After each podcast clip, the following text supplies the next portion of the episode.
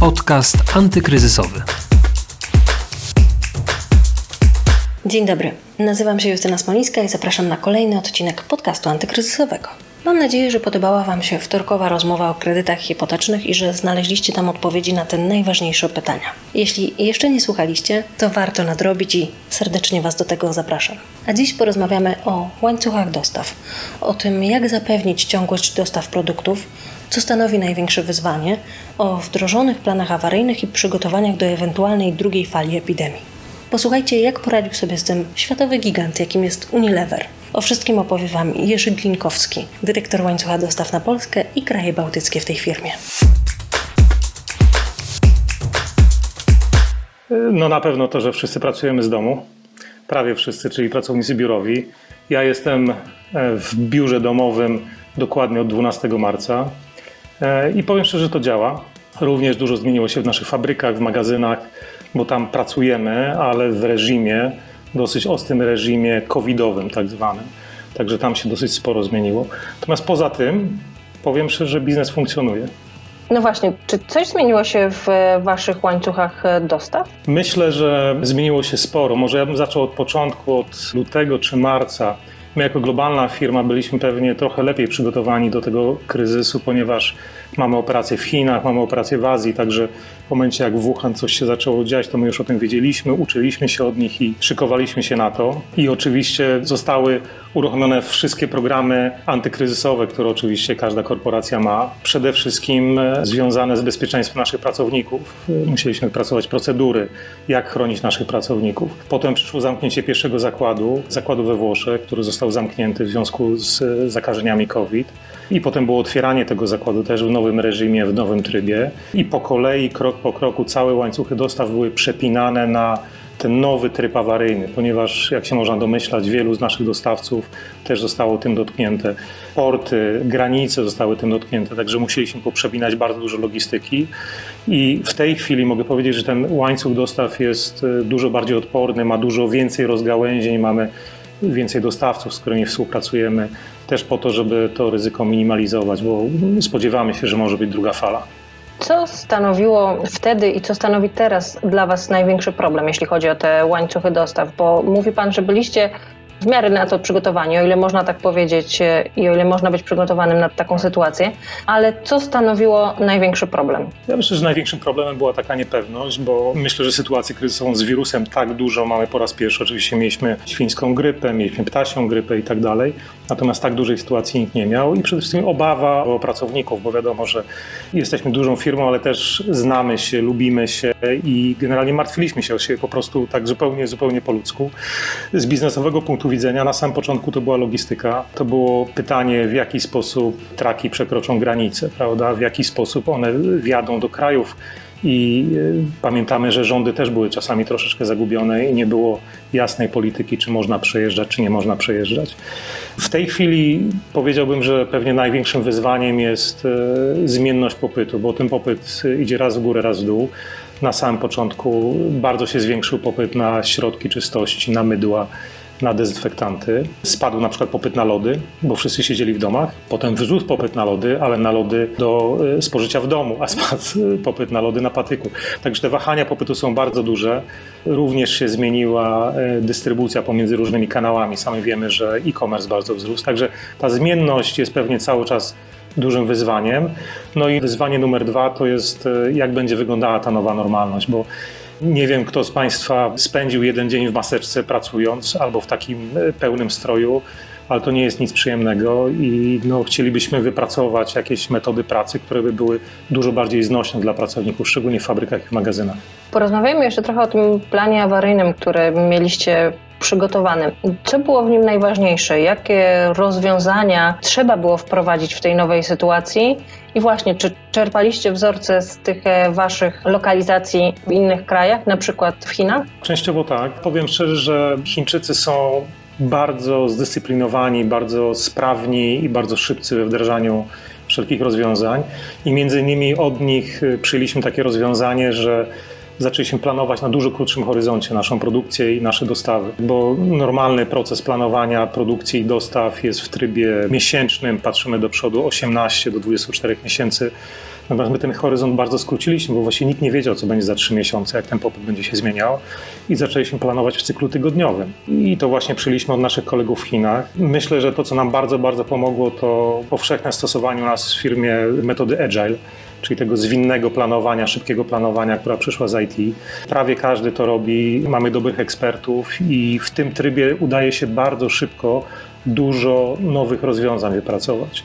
Rozwiązań ad hoc, które potem są test, szybko testowane, szybko sprawdzane, że się sprawdzają, są wdrażane. I dodatkowo to, co nam też pomaga, to jest bardzo duża digitalizacja, która już była w firmie i która teraz mocno procentuje. Mówił Pan, że musieliście poprzepinać łańcuchy dostaw. Jakie zmiany musieliście wprowadzić e, w tych łańcuchach dostaw i czy tak zostanie już na stałe? To znaczy, czy Wy już się przygotowujecie do tego, że zaraz może nastąpić na przykład druga fala epidemii i lepiej zostawić wszystko tak, jak jest? Czy wracacie, o ile to możliwe, do stanu sprzed epidemii? Przepinanie przede wszystkim odbyło się na poziomie dostaw materiałów i surowców, bo tam e, niektórzy z naszych dostawców byli dotknięci, czy znajdowali się w rejonie, który był akurat zamknięty i musieliśmy znaleźć innych dostawców. I myślę, że to częściowo zostanie. Na pewno warto mieć dwóch dostawców, z których można korzystać. Przepięliśmy też kilka szlaków logistycznych. Przykładowo w momencie, kiedy granica pomiędzy Włochami a Austrią była zamknięta, były tam korki dwu, trzy, czterodniowe. My przerzuciliśmy tiry na tory. To do tej pory zostało i będziemy z tego nadal korzystać. Myślę, że ta nowa normalność jeszcze się nie uleżała. Dopiero zobaczymy, gdzie jest ten nowy środek ciężkości, bo na pewno będziemy chcieli mieć dużo bezpieczniejsze łańcuchy dostaw z dużo większą możliwością korzystania z dostawców, ale też mieć możliwość bezpiecznego dowożenia towarów do klientów. A czy to doświadczenie obecne, to doświadczenie wiosenne przygotowało Was jakoś na kolejne miesiące? Czy szykujecie jakieś nowe rozwiązania, które będzie mo- można wykorzystać w razie tej ewentualnej drugiej fali? Na przykład zauważyliście, że coś jeszcze można by było poprawić albo coś jeszcze dostosować, tak żeby zapewnić ciągłość dostaw Waszych produktów? Tutaj pewnie tą rzeczą, którą robiliśmy, robimy i będziemy kontynuować, to jest digitalizacja, taka szeroko pojęta, która w Unileverze jest dosyć mocno zaawansowana. Myślę, że jesteśmy jedną z najbardziej najbardziej zaawansowanych cyfrowo firm FMCG. Ona zaprocentowała, ale ona cały czas idzie do przodu i to się wiąże z tak zwaną demokratyzacją danych, czyli na typowe pytanie sprzedaży, gdzie jest moja dostawa, gdzie są moje produkty, to jest widoczne w tej chwili w systemach, także tego już nie trzeba szukać, nie trzeba kreować jakichś raportów, tylko każdy może sobie to sprawdzić. Także poprzez takie wzajemne dzielenie się tymi danymi, tymi danymi w chmurze, każdy może z nich korzystać. My to nazywamy demokratyzacją danych.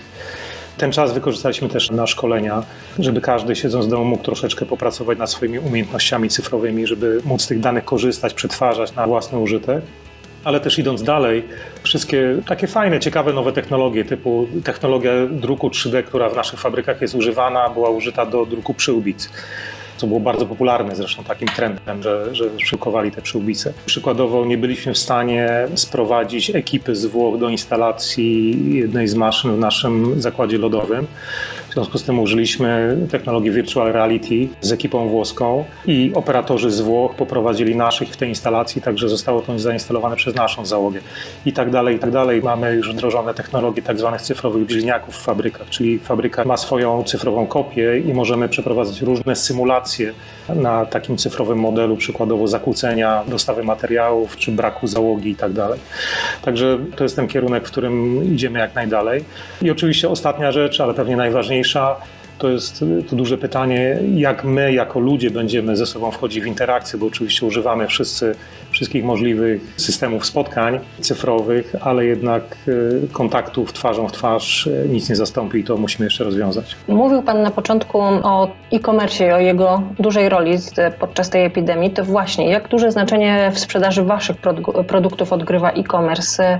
Czy sprzedaż w internecie wzrosła u Was od momentu wybuchu epidemii? Zauważyliście, że jest to duży wzrost i na przykład, że jest to gałąź, którą warto rozwijać teraz jeszcze bardziej. Tak, tak. No, zauważyliśmy wzrost, tak jak cały rynek y, w Polsce i na świecie. Był wzrost y, skokowy. Na pewno jest to gałąź, która się rozwija i ja myślę, że ona się rozwija nawet jak nic nie robimy, ponieważ zmieniają się preferencje klientów.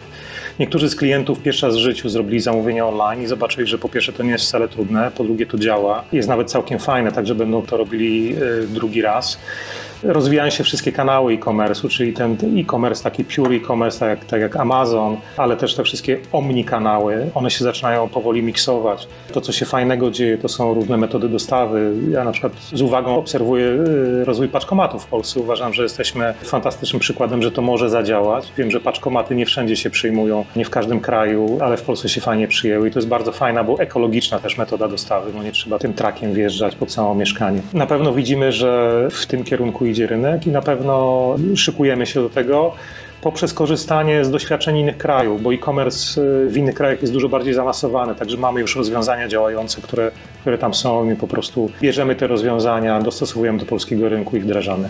To skoro już Pan o tym wspomniał, to jakich rozwiązań e-commerce'owych brakuje jeszcze Pana zdaniem, Waszym zdaniem na polskim rynku? Rozwiązań, które Wy chcecie, wprowadzacie? Na pewno coś takiego, co jest e, mi szczególnie bliskie, to są dostawy last mile, czyli w jaki sposób produkt jest dostarczany pomiędzy magazynem e-commerce a klientem. I w tej chwili większość z nas korzysta z kurierów, ale to jest najmniej efektywna, najdroższa i najmniej ekologiczna metoda dostawy. Także e, stworzenie dużego rynku na e, optymalne dostawy last mile to będzie wymagało też dużej edukacji społeczeństwa. Mamy dobry grunt, ponieważ paczkomaty się fajnie przyjęły, ale to są też tak zwane dostawy do bagażnika, które mogą być realizowane, to jest self-pickup ze sklepów, które może być realizowane. Myślę, że to jest największe wyzwanie e-commerce'u. I nawet jak większość ludzi nie chce o tym mówić, to głównym wyzwaniem tu jest też koszt, ale również ślad ekologiczny, ślad CO2, który jest zostawiany. Dziękuję bardzo za rozmowę. Naszym gościem był Jerzy Glinkowski, dyrektor łańcucha dostaw na Polskę i kraje bałtyckie w Unilever. Dziękuję serdecznie. W dzisiejszym podcaście antykryzysowym to już wszystko. W następnym odcinku porozmawiamy o tym, jak epidemia COVID-19 wpłynęła na nasze podejście do dobroczynności. Czy chętniej angażujemy się w akcje pomocowe? Czy wspieramy tylko osoby nam najbliższe? No i jak pomagamy? Jakie formy zaangażowania wybierają Polacy? To w kolejnej rozmowie. A wszystkie odcinki podcastu znajdziecie na stronie pb.pl ukośnik antykryzysowy i w aplikacjach podcastowych, m.in. na Spotify i Apple Podcasts. A jeśli ktoś z Was nadal woli wersję wideo, to wszystkie rozmowy znajdzie oczywiście na stronie bankier.pl. Justyna Smolińska, do usłyszenia. Podcast antykryzysowy.